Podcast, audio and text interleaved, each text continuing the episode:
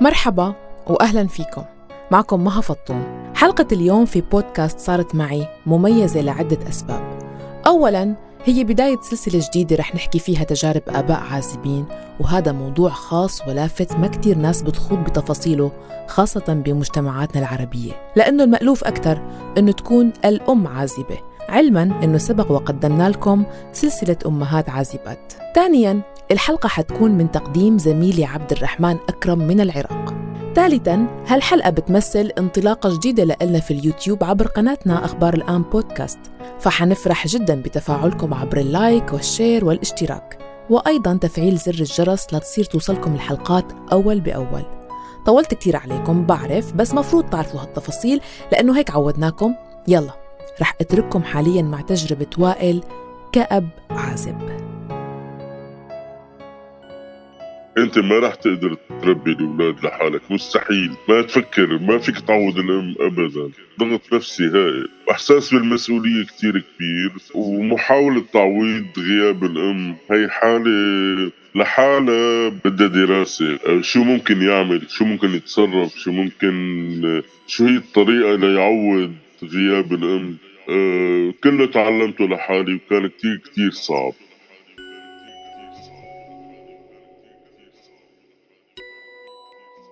في نوع من الانفصام يعني. أنا بحدد القانون بيزعلوا لأنه حساسين كثير صايرين فبرجع بصالحهم دغري بعدين. لأنه أنا العالم تبعهم يعني ما في ما في عائله كبيرة ما في أمهم ما في غيري أنا فأنا كل شيء بالنسبة لهم أنا بدي أعطي القانون وأنا بدي راضي إذا هن زعلوا فهي عملية جدا منهكة.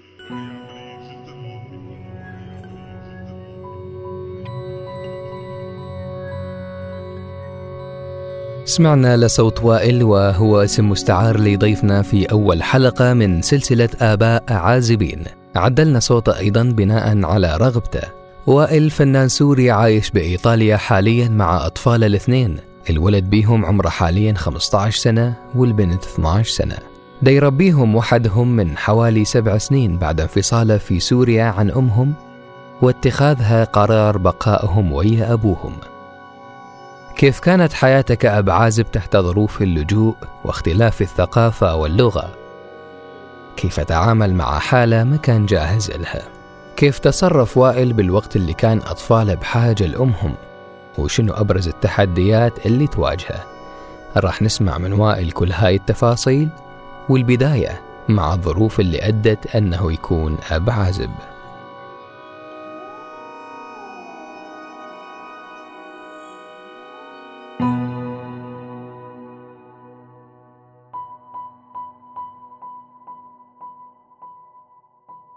جيت من سوريا خلال الحرب يعني 2017 طلعت من سوريا بشهر تموز على إيطاليا مع طفليني. بعد ما تخلت أمهم عنهم يعني تركتهم على باب بيت أهلي. أنا بتصور الحرب دمرت الضمير الجمعي عند الناس يعني طلعت اللاوعي صار كل واحد بيتصرف بدون ما يحس إنه راح يكون في مسؤولية على تصرفه. إذا بدنا نحكي عن المشاكل الجماعية المشاكل الشخصية الأم يعني مستهترة وضع معقد جدا يعني كانت بتكره الأولاد وبتغار منهم وساعت بأقصى ما يمكن إن يعني تحسسهم بعدم الأمان. لأنه هي بطفولتها ما كانت تحس بالأمان أبدا. فما قدرت تعكس آه، أي عاطفة أمومية تجاه أولادها. هلأ الحرب زادت هذا الشيء خلت آه، إنسان بسوريا يتصرف على هواه بدون ما يحس إنه في ضوابط اجتماعية ممكن توقفه. لا أم ولا أب ولا جيران ولا رفقات ولا حدا. بيقدر يتصرف مثل ما بده لأنه الكل عم يتصرف مثل ما بده.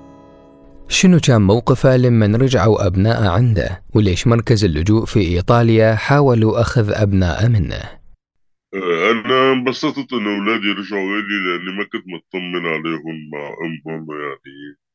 خصوصا إنه أولادي معلقين فيي أكثر ما معلقين بأمهم.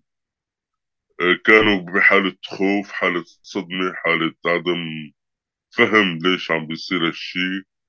أه حاولت اعتني فيه قد ما بقدر اخذهم على أماكن لعب يتواصلوا مع رفقاتهم.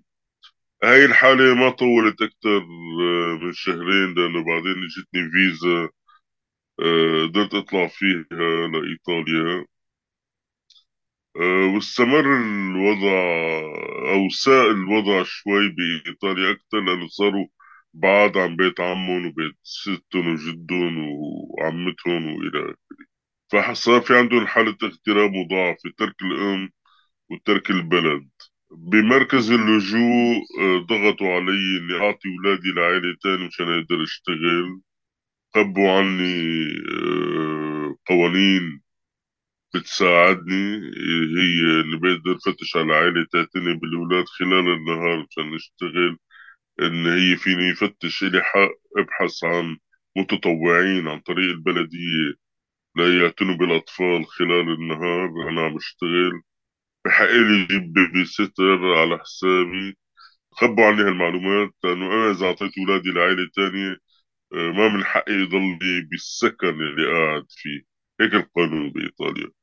فهن ضغطوا علي مشان أترك بأسرع ما يمكن السكن. هذا هذا سوالي صدمة إنه أنا ممكن أتخلى عن أولادي وما عاد شوفهم مرة تانية.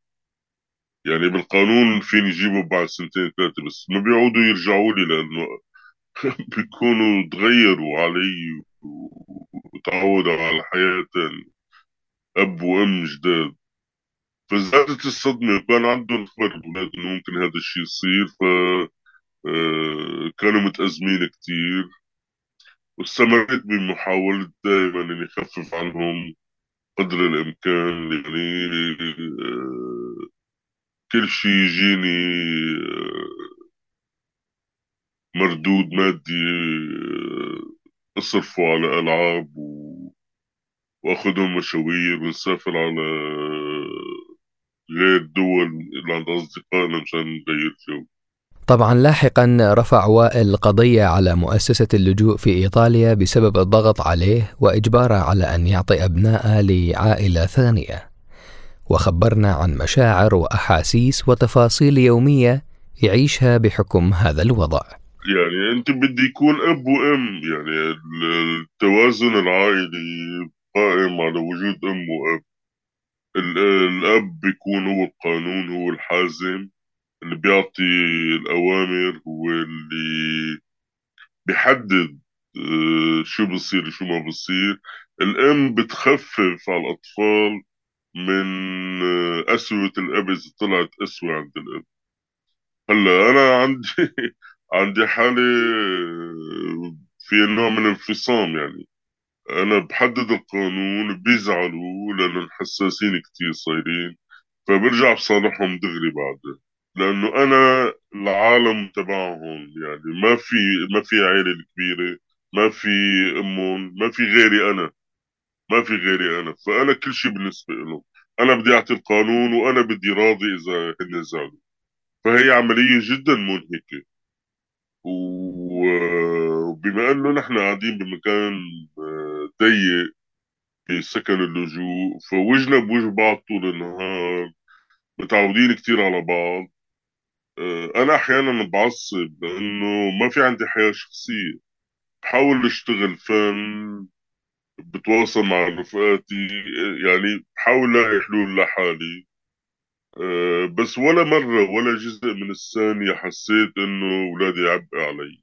وقت كنت بدمشق كان في محللة نفسية أخذت الأولاد لعندها كانت كان موقفها غريب.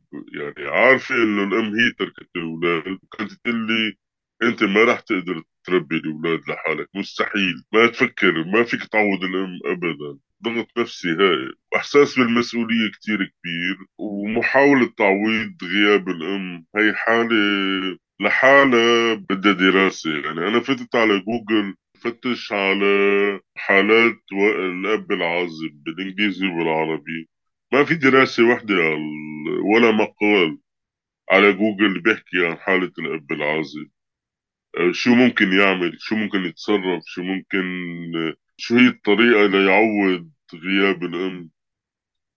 أه كله تعلمته لحالي وكان كتير كتير صعب يعني. كتير كان صعب.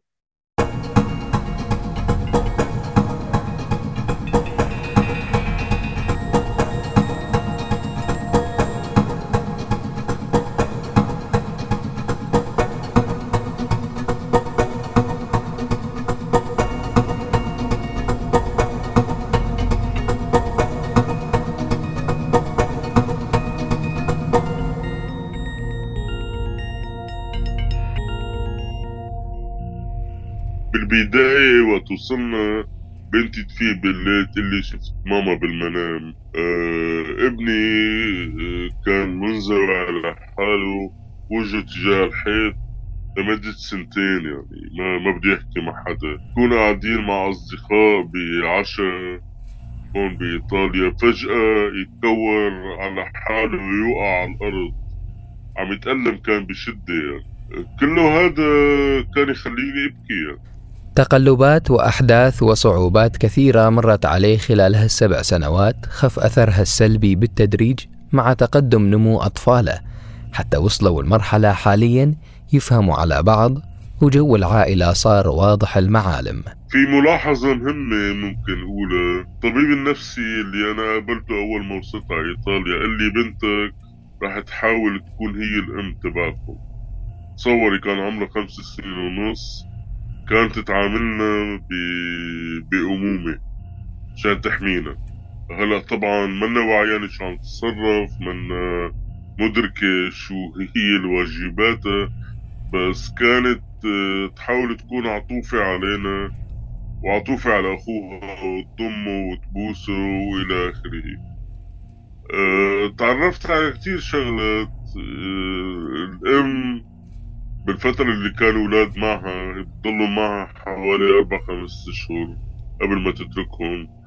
أه كتير حاولت تعلمهم إنه يكرهوا بعض. يعني تعتني بالبنت تدللها أه والولد تقول له روح جيب لي هالغلط من الدكانة بروح بجيب أنا عمري عمري ما بعثت ابني يجيب اغراض على فكرة. يعني كنت مدلله كثير المهم تبعته مشان يجيب شغلة من الدكانه يجي يتخانقوا ما هذا اللي طلبته ارجع جيب مرة تانية. إلى آخره. بهالطريقة هي مثل ما ربيت ببيت اهلها بدها عم تحاول كانت إنها أه تعكس الشيء على الأولاد يعني. فابني لهلا أه عنده موقف من أخته بسبب هذيك الفترة. وأخته عم تحاول دايما إنك تكسر حواجز بينه وبينه.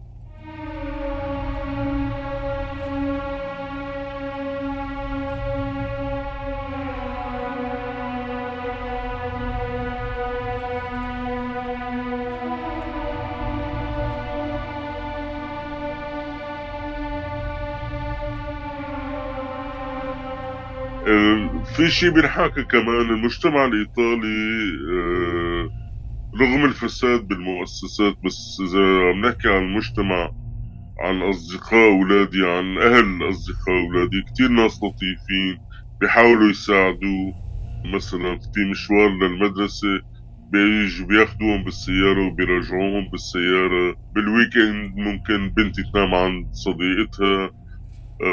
بيحاولوا يساعدوا لأنه عارفين إني أب عازب تكلمنا أيضا مع وائل عن أهمية متابعة الاستشارات النفسية للأطفال. لحد الآن بعد خمس سنين بإيطاليا ما قدرت لاقي طبيبة نفسية لمشان الأولاد. في في أطباء نفسيين أه بس الأولاد ما تقبلوهم أبدا. في لقينا طبيب بالنهاية لقينا طبيب وبلش العلاج. قام نقلوه لمكان تاني؟ تقبلوه الأولاد وحبوه كتير. نقلوه لمكان تاني. كنت عم حكيكي عن الفساد المؤسسات يعني للأسف حتى بالجسم الطبي بفاجئوكي يعني الطبيبتين اللي شفناهم لحد الآن مفاجئين بعدم اكتراسهم بالأطفال بعدم قدرتهم على بناء جسور مع الأطفال. أه الشيء اللي ساعدني أكتر شيء هو الخدمات الاجتماعية فرزت يعني شخصين وحدة لبنتي واحد وحدة لابني. بيجوا لعندهم يومين بالأسبوع أو ثلاث أيام بالأسبوع. بيروحوا معهم مشاوير وبيدرسوهم وكذا وإلى آخره. هدول كانوا يعني جزء من العلاج النفسي مع إنهم هن منهم متخصصين بالعلاج النفسي. بس المؤسسات الإيطالية فيها كتير مشاكل. فيها قلة احترام للناس أحيانا. كان لازم واجه هالشي خصوصا وقت يشوفوك انك لاجئة يعني هن بيعتقدوا إنك أنت منك عارفة حقوقك. أنا كنت دائما أعترض الشيء الغلط دغري حط عليه اشارة أبعت إيميلات للمسؤولين إنه هون في غلط أنا ما فيني أكمل. ما فيني أكمل مثلا مع الموظفة بالخدمات الاجتماعية عم تتصرف بكذا وكذا وكذا وكذا. غيروا لي اياها للموظفة تبع الخدمات الاجتماعية لأنها كانت عم تسيء. ف يعني نصيحة للاجئين وين ما كان إنه يكونوا عارفين بحقوقهم. لأنه كتير بي بي بيعتمدوا إنه أنت لاجئ جاي من دولة متخلفة فأنت منك عارف بحقوقك وكتر خيرنا إنه نحن عم نساعدك. لا هذا حكي مو صحيح. أنا عندي حقوق دستوريه بما أن كنا قبلتوا أن يكون لاجئ آه مثلي مثل المواطن الإيطالي. كيف كان تواصل أمهم وياهم خلال هالسنوات؟ وشنو هي الرواية المعتمدة في البيت حول وضعهم كعائلة من غير أم؟ أول شيء الأم تواصلت بعد سنة حاولت تتواصل بعد سنة. تواصلت معهم بشكل متقطع كل شهرين ثلاثة. هلا بنتي من سنتين ما عم تقبل تحكي مع بنت أمها. هي ابني عم يحكي معها. ما أنا ما بتدخل بهذا الموضوع ابدا. ابدا ابدا يعني. ولا بيسألوا حتى شو شو حكيت. الرواية المعتمد إنه الحرب آه، أثرت على نفسية أمكم. كانت آه، تربيتها قاسية هي وصغيرة. في عندها حالة نفسية صعب آه، إنها تنحل. بس مع ذلك الطفل ما بيقدر يفهم ليش أمه تركته يعني بيخاف يكون هو مذنب بشي غلطان بشي مشان هيك تركته. فأهم شي كان عندي إنه يتجاوزوا هذا الموضوع إنه ما هن الغلطانين الغلط من أمهم يعني. بشكل أكيد ومطلق وما في مجال للنقاش يعني. منا قادرة تعيش معي؟ أوكي هذا هذا الشيء بصير بس إنه شو ليش جبتي أولاد على الدنيا إذا أنت بدك تتركيهم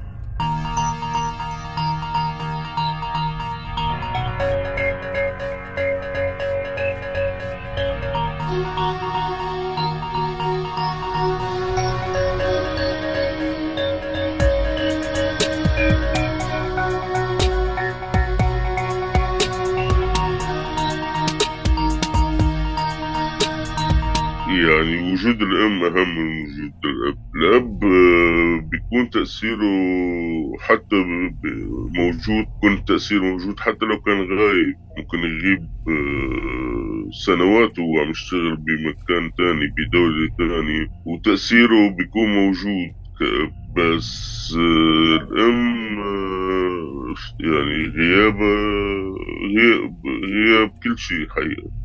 بيغيب كل شيء. يعني هي الحضن الأول والنهائي هي اللي بتعطي التوازن النفسي. بقدر كتير التعب اللي بتتعبه الأم العازبة بس فعلا لا يقارن بتعب الأب العازب نفسيا لأنه بيتلبك وما بيعرف شو بده يعمل. الأم بتحتضن وهي وظيفتها الأساسية. الاب ما بيعرف شو بده يعمل يعني حقيقة ما بعرف شو بده يعمل خبرنا وائل عن الجهود اللي دا يقدمها حتى ما يتشكل عند الأطفال صورة مشوهة عن الحب والارتباط والعلاقات. آه يعني دائما مخبرنا إنه هاي حالتنا حالة استثنائية حالة تمون حالة استثنائية ومنا حالة المعممة يعني. و لسه ما صار الوقت لأعرف كيف علاقتهم مع مع الطرف الآخر بس يعني ابني من فترة فات آه، بعلاقة حب ما كملها آه، يعني امبارح خبرني إنه ما كملها ما ما ما عرفت السبب ما ما مفهوم ليش بالنسبة لي. هل هو عدم نضج المراهقين؟ هل هو ما قدر إنه في عنده مشاكل بالعلاقة مع الطرف الثاني؟ ما ما قدرت أعرف شو السبب. بس أنا بتصور إنه بعد جهد كتير كبير الأولاد بشكل كبير متوازنين يعني بعلاقتهم مع مع الجنس الآخر. والأيام تكشف يعني لسه بكير لسه بكير سألنا وائل أيضا عن كيف تصرف لما بنته أجتها الدورة الشهرية لأول مرة. أه لحسن الحظ المرشدة الطبية أه كانت حاكي معها قبل فترة من بلوغها قبل بسنة. كانت محضرتها نفسيا ووقت اليوم اللي برغت فيه أنا تلبكت كتير. أه ناديت أه شو في سيدات موجودات بمركز اللجوء حوطوها اعتنوا فيها. آه، أعطوها يعني الأشياء اللازمة لحالتها. وفي المرشدة الاجتماعية كمان عم تعتني فيها تعرفها كيف تعتني بحالك كبنت. آه، مرقت بسهولة حقيقة يعني ما ما عندها مشكلة كتير كبيرة معها لهالقصة يعني أنا أنا بكيت يعني حقيقة بكيت يعني لأنه عم تصير هالقصة بدون ما يكون معها أنثى تعتني فيها يعني الشغلة كانت كتير كبيرة بالنسبة لي.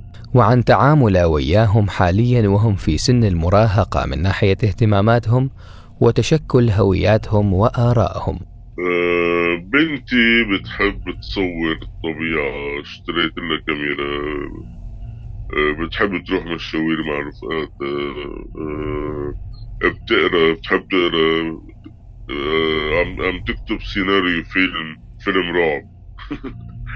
يعني هي بتحب أفلام الرعب. طبعا عم شجعها وما بعرف شو بدي اوصل بعدين شو ممكن يتطور مع هالموضوع. بس أهم شيء بالنسبة لي بالوقت الحالي إنهم يساووا شيء اللي بيحبوه يعبروا عن حالهم بالطرق الممكنة ابني يعني عنده شلة رفقات آه، لطيفين بيعزف جيتار آه، بيضل عم يعزف جيتار طول الوقت ويتدرب. آه، فهمت إنه هاي الطريقة للتعبير وشي عم يعملوا شي مهم.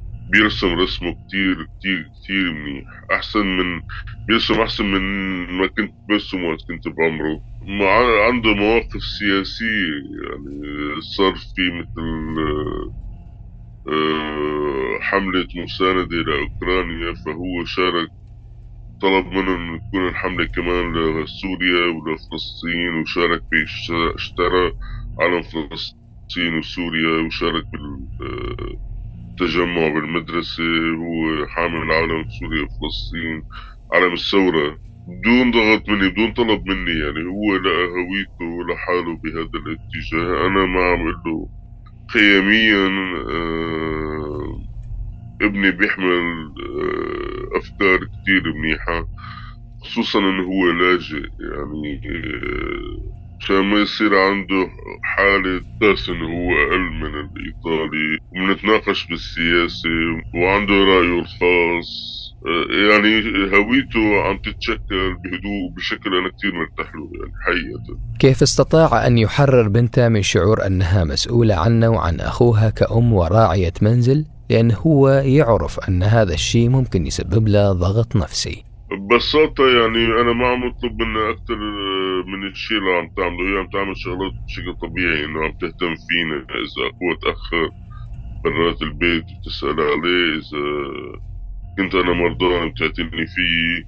بس لا عم خليها تطبخ ولا تمسح ولا تجلي ولا لأنه هي بعمر لازم تلعب يعني.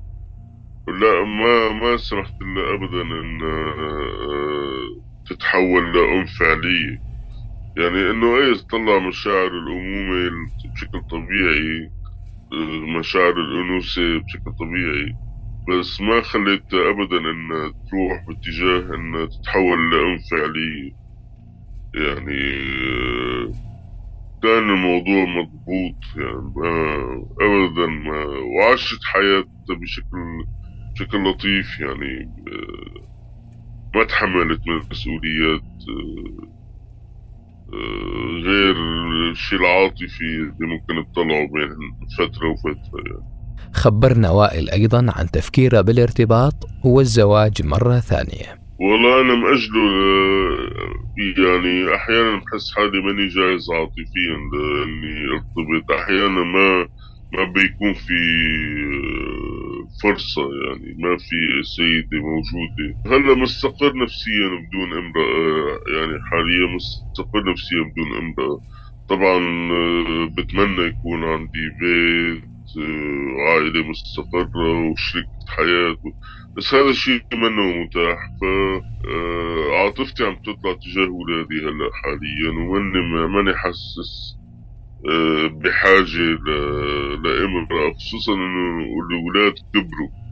يعني هلأ عبئهم خف كتير عن قبل وقت كانوا صغار ومن تجربته حب وائل بالختام يشاركنا ملاحظاته عن وضع الأب والأم العازبة في مجتمعاتنا وشنو هي الإجراءات اللي ممكن يتخذوها حتى يتمكنوا من تربية أطفالهم ببيئة نفسية صحية قدر الإمكان.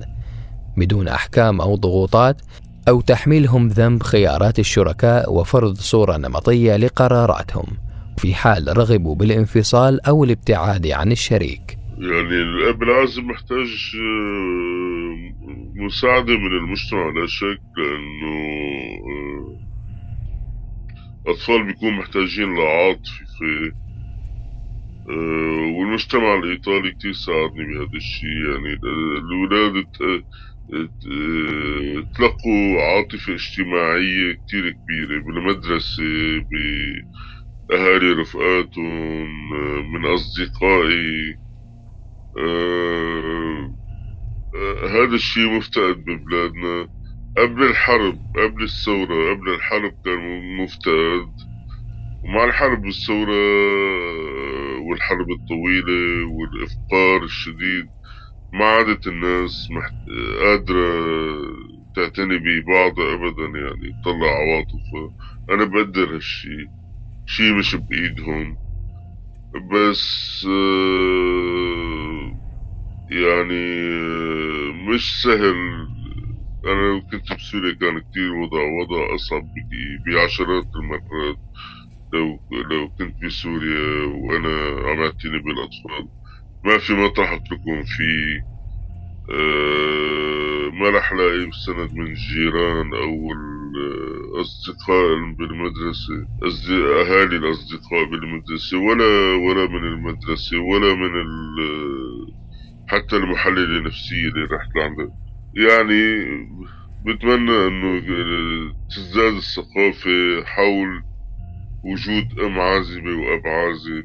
آه، ببلادنا مش بس الاب العازب الام العازبة كمان ما تواجه نفس المشاكل يعني أكيد.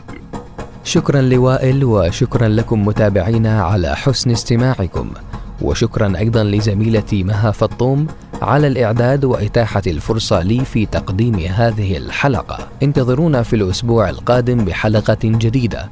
وبإمكانكم الاستماع للحلقات السابقة عبر زيارة قسم البودكاست في موقعنا.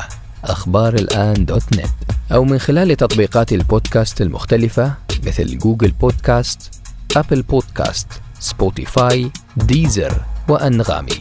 وإذا شفت الحلقة على يوتيوب بصندوق الوصف موجودة اللينكات المطلوبة للاستماع.